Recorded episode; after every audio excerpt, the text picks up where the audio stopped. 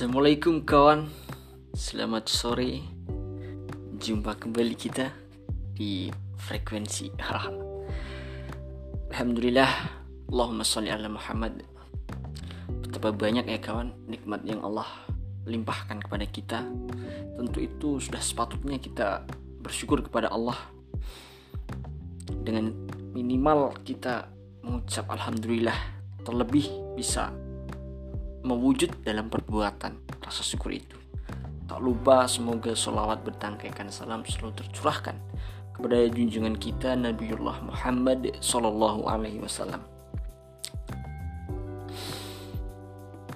Baik kawan, sore ini cukup cerah ya, lagi indah. Izinkan saya untuk bisa menemani sore kawan 10 atau 15 menit ke depan. Saya Muhammad Raden Ghazi sedikit berkisah berbagi tentang sebuah keyakinan. Kawan yakinlah dan pejamkan mata. Iman adalah mata yang terbuka. Kawan mendahului datangnya cahaya tapi kawan, jika terlalu silau, pejamkan saja. Lalu rasakan hangatnya keajaiban kawan. Ada sebuah kisah dari seorang dokter kawan. Miriam Hodgson namanya. Bertahun-tahun dia tekuni bidang khusus kesehatan jantung.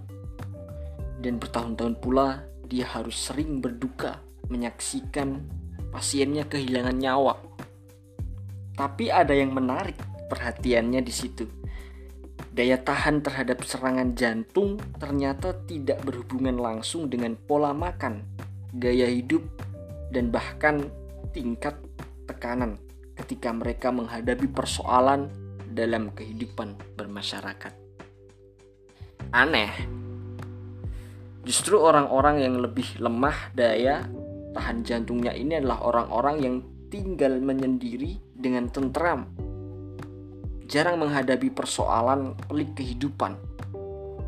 Dan mereka menjalani hari-harinya dalam kemapanan, nyaris tanpa gejolak dan tantangan kawan. Ritme kehidupannya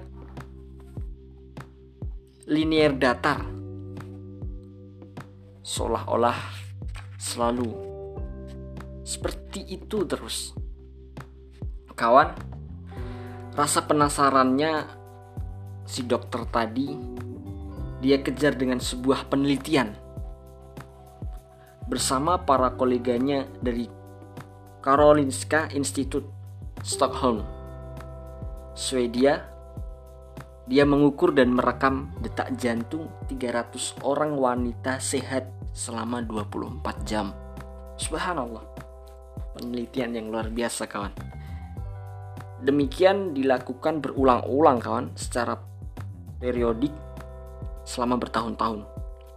Penelitian juga dilakukan terhadap teman-teman para wanita ini sekaligus diusahakan untuk memperoleh gambaran tentang seberapa tinggi tingkat kemarahan dan depresi mereka kawan. Horstin dan timnya tertarik pada apa yang disebutnya sebagai variabilitas detak jantung. Ini adalah suatu tolok ukur untuk mengetahui perubahan detak jantung yang terjadi selama periode seharian penuh. Hasil penelitian bertahun-tahun itu awalnya mengejutkan kan Orang yang sehat dan berjantung kuat justru adalah mereka yang memiliki rentang variabilitas detak jantung yang tinggi. Bahkan rentang itu sangat lebar. Artinya, detak jantung mereka sangat variatif, kawan. Sangat jelas tergambar, kawan, bahwa orang-orang yang aktif dan banyak terhubung dengan sesama manusia dalam sehari mengalami berbagai guncangan emosi. Mereka tertawa, bersemangat, bergairah, tapi juga marah. Mereka frustasi, berelaksasi, bersedih, tegang, tersenyum, takut, cemas, optimis, tercerahkan. Kesemua hal yang sangat emosional dan dipicu dari hubungan-hubungan yang dengan sesama ini mempengaruhi berbagai hormon kawan. Utamanya adrenalin yang turut serta mengatur ritme kerja jantung. Bukankah dengan demikian justru jantung bekerja keras? Ya, dan jika ia bekerja keras, maka jadilah ia mudah sakit. Sebuah pertanyaan yang cukup menohok. Ternyata kawan, justru sebaliknya jantung dalam kondisi semacam itu, kata Miriam Horsten, adalah jantung yang berolahraga. Jantung ini menjadi terlatih dan kuat. Jantung ini adalah jantung yang sangat sehat. Dan sebaliknya kawan, jantung orang yang kehidupannya datar-datar saja, tentram-tentram saja, dan lebih-lebih sangat kurang interaksi sosialnya memiliki variabilitas detak jantung yang sangat kecil. Akibatnya kawan, jantung mereka menjadi jantung yang lemah terhadap suatu serangan. Jadi bagaimana caranya menguatkan jantung kita? Gampang, kata Miriam Horsten. Perbanyaklah hubungan dengan sesama, perkaya getar-getar emosi bersama mereka, lakukan hal-hal yang variatif dalam kehidupan, dan cobalah tantangan-tantangan baru jadi benar, selain meluaskan rizki, silaturahmi, memanjangkan umur bahkan dalam maknanya yang paling lugas. Subhanallah kawan, begitu indahnya ajaran Islam.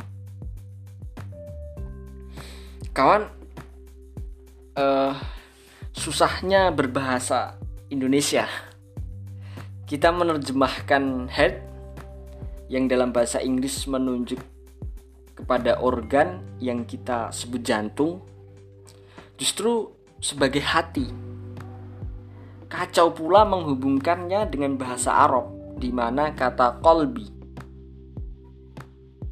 sebenarnya juga dalam tataran fisik mengacu kepada jantung, bukan hati. Dalam hal ini, bahasa Arab dan Inggris nampaknya sekufu.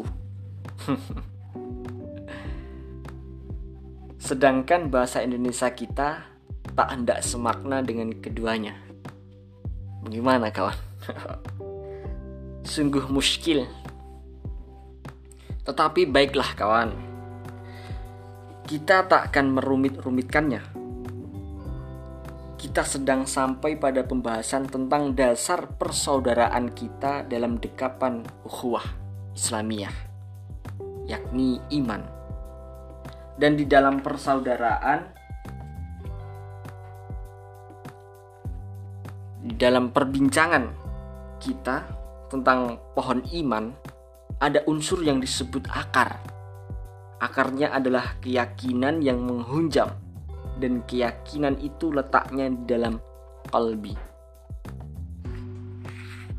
Satu organ yang tadi kita bicarakan akan memiliki kekuatan Justru jika dilanda berbagai terjangan emosi dari banyak hubungan yang dijalin dengan sesama. Variabilitas detaknya tinggi, kawan. Maka keyakinan macam apakah yang sehat bagi jiwa dan raga seseorang? Apakah keyakinan itu berbentuk ketentraman nan datar, garis lurus tanpa gelombang, dan kemapanan tanpa gejolak? ataukah justru keyakinan yang sehat adalah keyakinan yang penuh guncangan rasa sedih, kecewa, marah, bimbang, berat, cemburu, bersemangat, bergairah, berharap-harap, meluap-luap? Kita hanya bisa menduga bahwa jawabnya mungkin sama dengan jawab kita tentang jantung, kawan. Iman yang kuat justru adalah iman yang variabilitas detaknya tinggi. Para ulama mengistilahkannya sebagai iman yang berdiri di antara khauf dan roja, antara takut dan harap. Tidak merasa aman dari azabnya, sekaligus berprasangka baik akan surganya. Benarkah demikian, kawan? Kita lanjut di ruang frekuensi berikutnya. Terima kasih, saya Muhammad Raden Ghazi. Mohon pamit undur diri. Sampai jumpa nanti. Akhirul kalam. Wassalamualaikum warahmatullahi wabarakatuh.